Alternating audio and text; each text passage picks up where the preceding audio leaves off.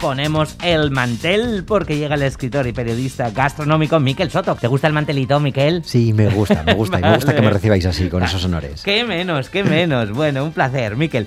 Oye, cuéntanos, ¿qué, ¿qué, nos toca esta semana? Pues mira, la última semana que estuvimos juntos, la invitada anterior, que no recuerdo su nombre, os preguntó si fuerais una pizza, ¿qué pizza seríais? Y si no recuerdo mal, Anne dijo que pepperoni Sí. y tú, Galder, dijiste pizza con piña. Sí, sí, sí, sí. Así que me pareció que este tema era una buena forma de recibirte, ya que me pareció muy valiente por tu parte reivindicarte como pizza con piña. Porque es que hay pocos temas gastronómicos que polaricen más a la gente. La tortilla de patatas con o sin cebolla, el cilantro, bueno, pues eso, como veis, los grandes misterios y las grandes decisiones de la vida y de la gastronomía. Pero el caso es que, aunque no es que yo sea un gran amante de esta pizza, tengo que admitirte que el caso es que yo sí te veo como pizza con piña. Porque desde luego, a ver, estaremos de acuerdo en que la pizza con piña es dulce, es hermosa y por encima de todo es totalmente original. Jolín, sé polita. Bueno, oye, me, me ha gustado mucho lo de valiente también, claro. Yo no era consciente de mi osadía, pero bueno, lo he ido comprobando No, no, no, después. dulce, hermoso y original. Bueno, es yo que te quiero mucho, ¿eh? Pues- como la trucha el trucho. Oh, Verdi. dulce y hermoso original es que me parece que va totalmente contigo. Vale, pues gracias, hecho, gracias. Lo tengo más claro sobre ti que sobre la pizza hawaiana. Porque no sé qué les parecerá a las y los oyentes. Es que, sin que modo alguno suponga un juicio sobre ti, Galder, sí que me parece un gran tema para preguntar entre los oyentes para a ver qué opinan de la popularmente conocida como pizza hawaiana. Es una maravilla, es una aberración, una genialidad. Es algo que no es para comer a diario, pero es una pequeña guarrada de esas que nos gustan de vez en cuando. Bueno, pues yo, claro, no voy a responderlo. El debate para la cena. Bueno, a ver, a ver qué dice la audiencia. Pizza con piña sí, pizza con piña no. Esto desata Vale, pasiones. o sea, vale. tiene firmes defensores y efectivamente, como se ve, yo creo que aparte de defensores, creo que tiene furibundos detractores.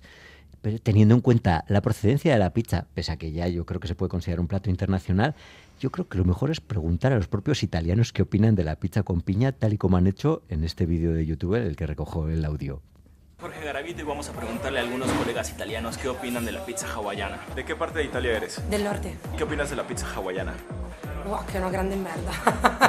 no, penso che non mi gusta. Prefiero la pizza classica margherita, con prosciutto, con jamón, con mushroom. ¿Por qué no te gusta la pizza con jamón y piña? Uh, perché non la veo una pizza italiana. Ok, Sí. ¿De qué parte de Italia eres? Del sur, Salerno, ¿Y qué opinas de la pizza hawaiana? va contra toda la tradición del mundo. Una mierda, chicos, por favor. Hola, ¿qué tal? ¿De qué parte de Italia eres? Yo, de ninguna. Yo lo sé. Génova, norte. ¿Y qué piensas de la pizza hawaiana? La verdad que la guayana no me gusta. ¿Por? Siempre me das pena cuando me pido la guayana. ¿Te da pena? Sí. ¿Te parece despreciable? Sí.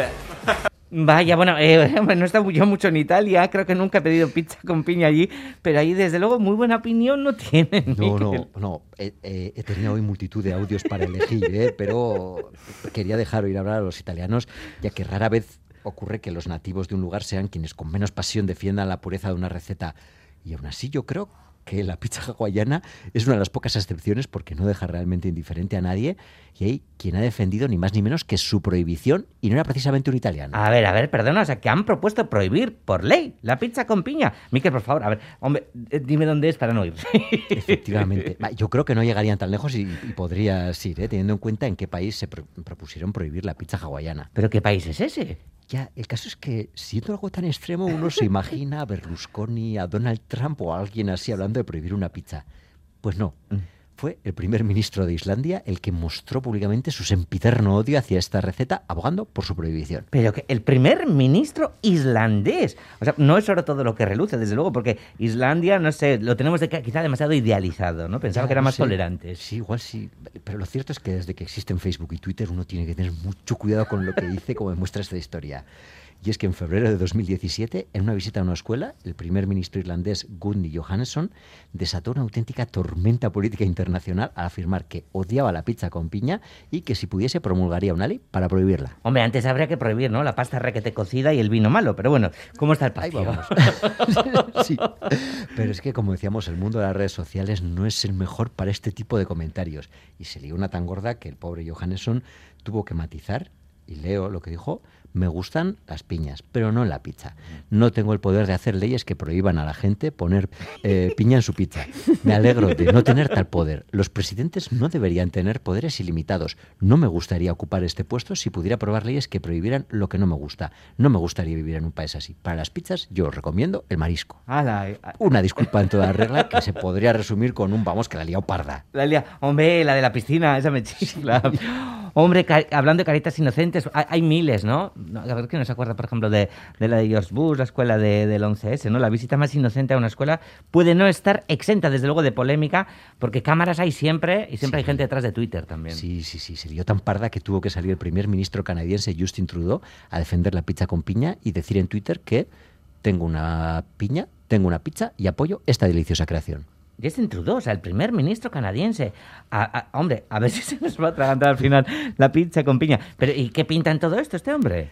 Pues que muchos no lo sabíamos entonces, pero a raíz de esta polémica se hizo conocido en el mundo que por estas raras carambolas del destino, la pizza con piña es un invento canadiense. ¿Ah? Que algo totalmente lógico si te paras a pensarlo, Canadá es un país con larga tradición en pizzas y con un clima totalmente idóneo para la plantación y producción de piñas. Y tanto, y tanto, ¿no? Es como Canadá, no sé, lugar perfecto, ¿no? Para la invención de la pizza. Eso sí, con piña, ¿no? Efectivamente, pues mira, de lo que se entera uno. Y para demostrarlo, he traído un breve audio de el inventor de la pizza hawaiana, que no es ni menos ni, ni más ni menos que Sam Panopoulos. tried to make some pizza, and then along the way, some pineapples on it, and uh, nobody liked it at first, you know. But after that, they went crazy about it because those days uh, nobody was mixing uh, sweet and sour.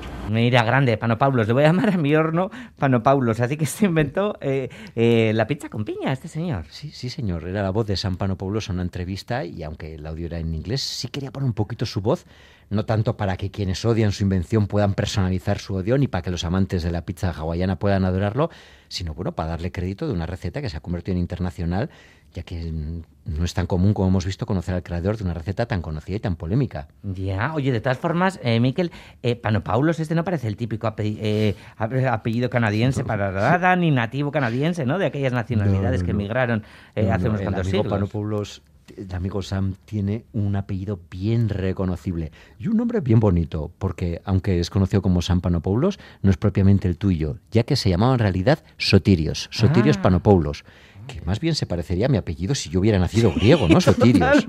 Miquel Sotirios. Es muy bonito. Cuidado que ya, que ya te llamamos así. ¿eh? Yo lo veo. Pues bueno, Sotirios Panopoulos, conocido popularmente como Sam Panopoulos, fue un, coni- un co- un cocinero canadiense que nació el 20 de agosto de 1937 en Borboura, en Grecia. Y en 1954, pues recién con la- su mayoría de edad, el joven Panopoulos decidió emigrar a Canadá. Y allí se estableció en el primer portal que llegó, en Halifax, al sureste del país. Y bueno, posteriormente se mudó a Sudbury, luego a Elliot Lake, donde trabajó como minero una temporada, y finalmente se trasladó al lugar donde viviría durante muchos años en Canadá, en Chatham, en en la, región, en la región de Ontario. Y ahí se quedó viviendo a 300 kilómetros a camino entre Toronto y unos 100 kilómetros de Detroit. Y a pesar de, como decíamos, Panopoulos pues, tuvo diversos trabajos y, y, pues eso, trabajó hasta en la minería, siempre le había gustado la cocina. Así que fue en Chatham donde decidió abrir un restaurante junto con sus hermanos Elías y Nikitas, el satélite. Y pues en un principio en el satélite servían hamburguesa, hamburguesas, algunos platos chinos y otros platos bastante comunes o ahora internacionales, diríamos, que se comían en Canadá, pero el amigo Panopoulos era ambicioso y abrió varios restaurantes en los que a partir de 1960 empezó a servir pizza, un plato que se está volviendo sumamente popular en los Estados Unidos. Claro, claro, es que claro, la pizza la tenemos ahí, ¿no? Como, como de toda la vida, pero para nada, ¿no? No siempre ha estado ahí, evidentemente. No, no. Estuvimos hablando del pesto y, y- y cuando me estuve preparando el programa me quedé totalmente sorprendido cuando me enteré de que en Italia mismo el pesto no empezó a popularizarse hasta los años 80 y, y 90. Pero pues no, la pizza no, no, no había conquistado el mundo todavía y no lo ha hecho hasta épocas muy recientes. Y en una entrevista en 2015, Panopoulos decía, en Canadá no se conocía en absoluto la pizza, incluso en Toronto no se sabía nada sobre la pizza por aquel entonces. El único lugar donde se podía comer pizza era en Detroit.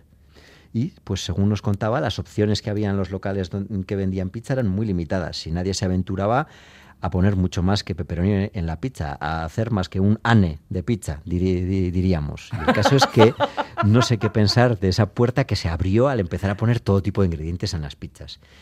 Ya que, pues cuando hablamos de la pizza, los italianos, como hemos visto en el audio, dan por supuesto que se trata de la pizza napolitana, que es pues, fina, crujiente y con pocos o ningún ingrediente, además del tomate, del queso y de unas hojas de albahaca. Y el caso es que yo, sin entrar en gusto, lo ricas que son las pizzas italianas hechas en esta simplicidad, con su habitual excelencia, excelencia pues a veces me hacen preguntarme si, si algunas invenciones, como la pizza de Chicago, por mencionar una estadounidense, son realmente pizzas. Y Ya. eso que los, los que no son de Chicago también se lo preguntan. ¿eh? Pero bueno, hablando del caso que nos ocupa, como ya se ve en su biografía, el amigo Sotirios era un hombre con empuje y decidió probar otros ingredientes. Y según le contaba en 2017 a la BBC, probamos con la, eh, con la piña solo por diversión, solo para ver a qué sabía. Éramos unos recién llegados al negocio y hacíamos un montón de experimentos. Eso nos decía, y es que como suele ocurrir en estos casos, hay que decir que tanto Sam con sus hermanos Elías y Niquitas no se imaginaron para rato que su creación iba a despertar tanto interés y tantas pasiones. Esto sucedía a comienzos de los 60, según algunas fuentes en 1962. Y en palabras de Panopoulos, primero probamos la pizza nosotros y después decidimos presentar a algunos clientes. Y unos meses después, varios de ellos se obsesionaron con su sabor. Así que decidimos incluirla en el menú. Hombre, grande, el satélite, el satélite se tenía Sí, que llamar. Bueno, pues para rato sabían, ¿eh? Lo que estaban haciendo, desde luego. Ya lo puedes decir. Y aún así, a su favor hay que decir que yo creo que acertaron algo muy importante. Lo probaron ellos, lo ofrecieron, ofrecieron a algunos clientes de confianza y a ver la respuesta. Y lo cierto es que, como sucede con algunos sabores o platos extremos, pues tienes que tener una, una mínima masa crítica pues para saber si puedes comercializarlo. Y efectivamente no se equivocaban al valorarlo. Había una masa crítica más que aceptable. En la página web del comidista tienen un gran reportaje sobre la pizza con piña y preguntaron a Telepizza por sus ventas.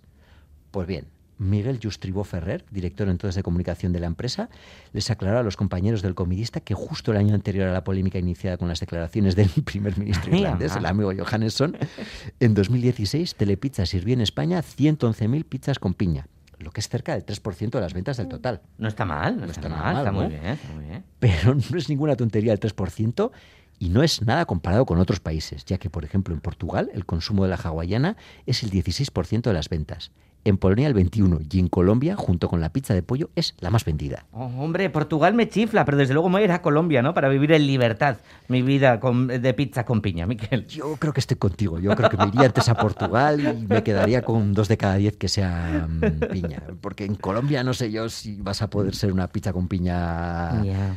libre. Libre, Pero ya. en cualquier caso hay que decir que puede ser peligroso en cualquier sitio vivir como pizza hawaiana, como nos va a dejar claro este audio de un vídeo de YouTube en el que un encapuchado reivindica ni más ni menos que todos los robos de pizza con piña a Telepizza.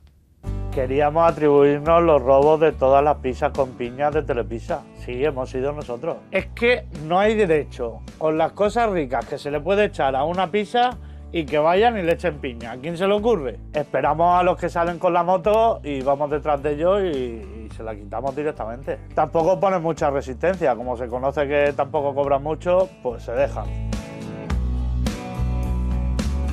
Yo me radicalicé una vez que fui con un amigo a una pizzería, pidieron pizza con piña sin avisar y joder, cuando me metí eso a la boca sin querer, menudo puto asco, ¿eh? Yo no podía con eso. Aquel día vi la luz y le di sentido a mi vida. Mi objetivo era acabar con toda la pizza con piña del mundo. He reclutado a mucha más gente antipiña y ahora somos el comando antipiñatería. A que mola el nombre, ¿eh? Me lo he inventado yo.